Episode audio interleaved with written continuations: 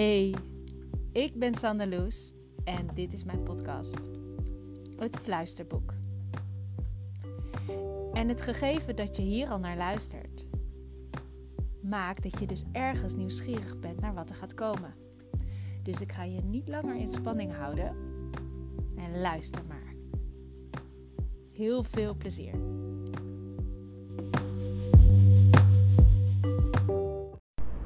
Hey, super leuk dat je weer luistert. Ik ben er weer.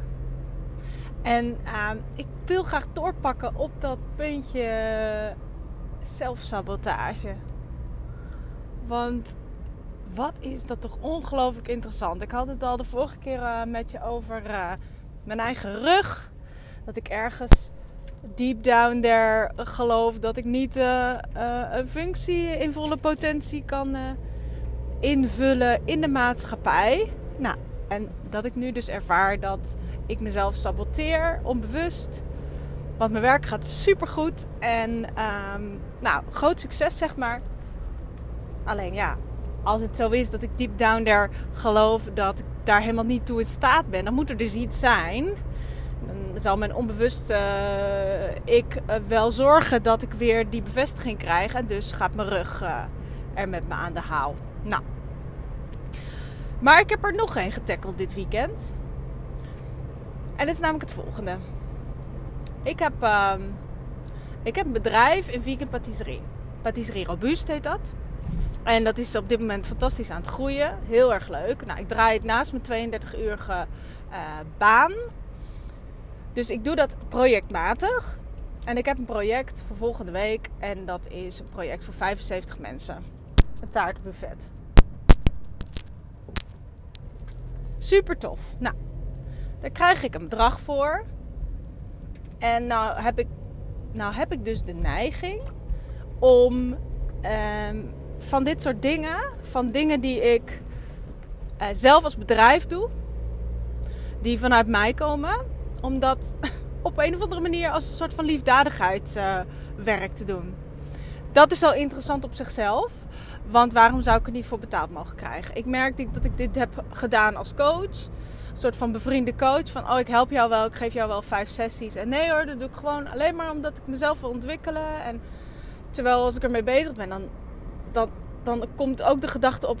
Ik ben hier gewoon een dienst aan het leveren. Waarom zou ik er niet betaald voor mogen krijgen van mezelf? Hè? Een ander zou me prima willen betalen, maar ik, op een of andere manier kan ik het niet vragen. Want het is, ik ben nooit goed genoeg of zo. Ik moet me altijd verder ontwikkelen. Maar dat geldt dus ook op het gebied van uh, mijn bakkerij, merk ik. Uh, ik ben ooit begonnen als, uh, nou, laten we zeggen, als negenjarig meisje. Al met muffin parties voor familie op mijn verjaardag. En zo heb ik altijd gebakken en geketerd, voor vrienden ook. Als cadeau. Eigenlijk was het altijd een cadeau. Ik zei, weet je wat, ik ehm, ik, uh, ik geef jou gewoon uh, een tapas. Ik dat, in de tijd deed ik ook heel veel hartig. Dat, dat doe ik nog wel, maar niet als business. Um, maar dan zei ik, geef ik jou een tapastafel uh, voor vrienden en dan is dat mijn cadeau. Of ik geef jou een aantal taarten. Um, ik breng, breng wat mee en dan hoef je zelf niet te bakken. Nou, en op een gegeven moment werd het ook wel gevraagd, wil je dat doen? En dan wil, wil je ervoor betaald krijgen? En dan zei ik, nee joh, doe normaal. dat geef ik, dat vind ik hartstikke leuk. Maar op een gegeven moment merkte ik wel dat een beetje het ging wringen. Want ik was heel van het weggeven. En ook met het ontwikkelen van mijn bedrijf. Eh, twee jaar geleden uh, startte ik dan met volledig vegan uh, weg in te slaan. Dus ik was ook heel veel aan het ontwikkelen. En, en ik gaf alleen maar weg. En mensen zeiden: Joh, maar het is superleuk dat ik in jouw proefteam zit. Maar ik wil er graag voor betalen. Al is het alleen al gewoon dat je kiet draait op je ingrediënten. Nee, dat vond ik echt onzin. Nou, uiteindelijk heb ik er wel een paar opdrachten uitgehaald. Maar elke keer die prijs zeggen en het geld ervoor krijgen. En nou, me meestal werd dan het bakken van de taart al veel minder leuk. En was ik ook alleen maar bang dat ik fouten ging maken. Nou, en dan maakte ik bijvoorbeeld een fout en dan moest de taart opnieuw. Of dan moest ik zeggen sorry.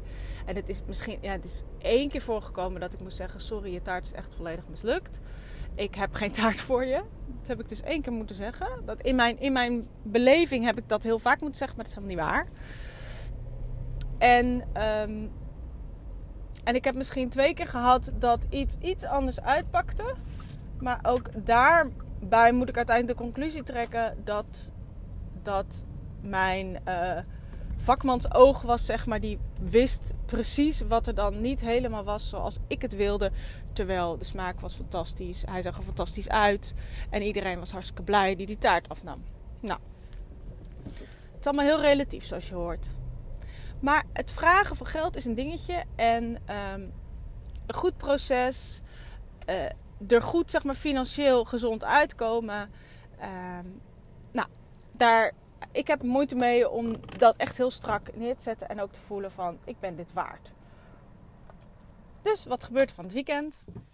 Super interessant. Ik uh, ga mijn boodschappen doen. Ik had ook nog wat goede aanbiedingen te pakken. Dus ik had en mijn proces heel strak staan. En uh, mijn receptuur was heel strak. Ik had een goede ingrediënten uitgekozen. Ik zou echt mooi uitkomen. Prachtige taart voor een mooie prijs. Maar ik, hè, ik zou ook echt wel wat aan uh, verdienen.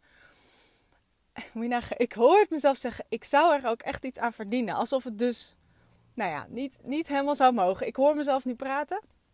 Goed. In ieder geval, ik ga naar de winkel. Ik ga niet zo vaak met de auto. Dat deed ik nu wel op zaterdag met de auto naar de winkel om mijn boodschappen te doen voor deze opdracht. Kom ik terug, zit er een wit papiertje onder mijn ruitenwisser. Nou, je voelt hem al aankomen. Oh nee.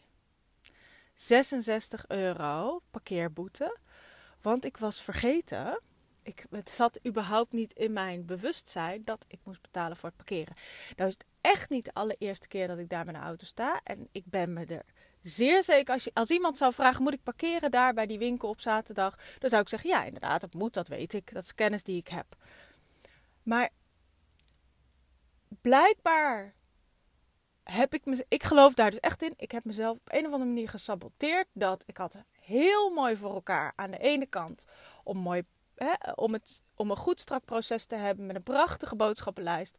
En, en dus, dus die, die, die prijsverhouding goed te hebben, zodat ik, dat ik ook echt winst uit zou halen. Echt omzet zou draaien ten opzichte van de kosten. En, en aan de andere kant krijg ik gewoon een parkeerboete. Ik, daar, daar gaat mijn verschil. Het is weg. Hoezo zelfsabotage? Ik, ben niet, ik zit echt compleet klem hierin. Nou, dat alleen maar doorhebben en die bon gelijk zien als zelfsabotage is natuurlijk al een hele stap. Dus daar ben ik heel blij mee. Maar daar mag ik ook iets op shiften. En nu ben ik twee jaar bezig met. Nee, dan moet ik beter zeggen. Ik ben één jaar heel bewust bezig met mijn geldmindset. Mijn money mindset. En ik merk op bepaalde vlakken is die zeker al veranderd. Maar op het vlak van zelfstandig ondernemer en eigen diensten, heel interessant. Misschien ook wel voor jou een interessante vraag van waar merk je dat je jezelf op het gebied van geld nog saboteert? Waar merk je op het gebied van geld dat je vastloopt? Dat het altijd zo loopt. Bijvoorbeeld, ik heb altijd te weinig geld. Of uh, ik vind prijzen altijd te duur. Uh, ik heb het idee dat geld uit mijn portemonnee weggeroofd wordt door de prijzen die gevraagd worden. Dat soort gedachten. Welke gedachten heb jij over geld? Ben je iets waard? Mag je geld verdienen? Mag je geld uh, laten stromen? Mag het er zijn? Mag het in overvloed naar je toe komen? Denk er maar eens over na. Want dit kan echt een heel groot verschil zijn in je leven als je hiervan bewust wordt en als je dit gaat shiften. Dit was het voor vandaag. Ik wens je echt een geweldige dag. Geweldige avond als je deze in de avond luistert. En tot de volgende. Doeg!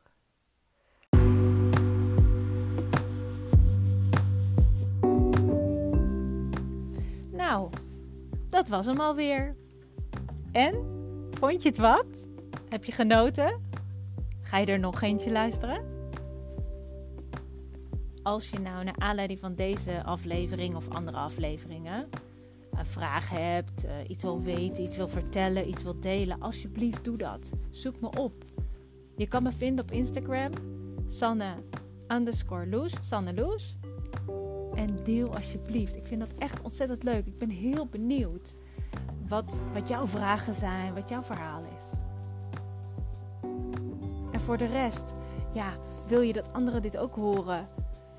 Dan werkt het om een review te geven of sterren Want dan komt zo'n podcast meer bovenaan te staan. Maar dat laat ik gewoon volledig aan jou over. Dus ja, luister naar jouw fluisteringen.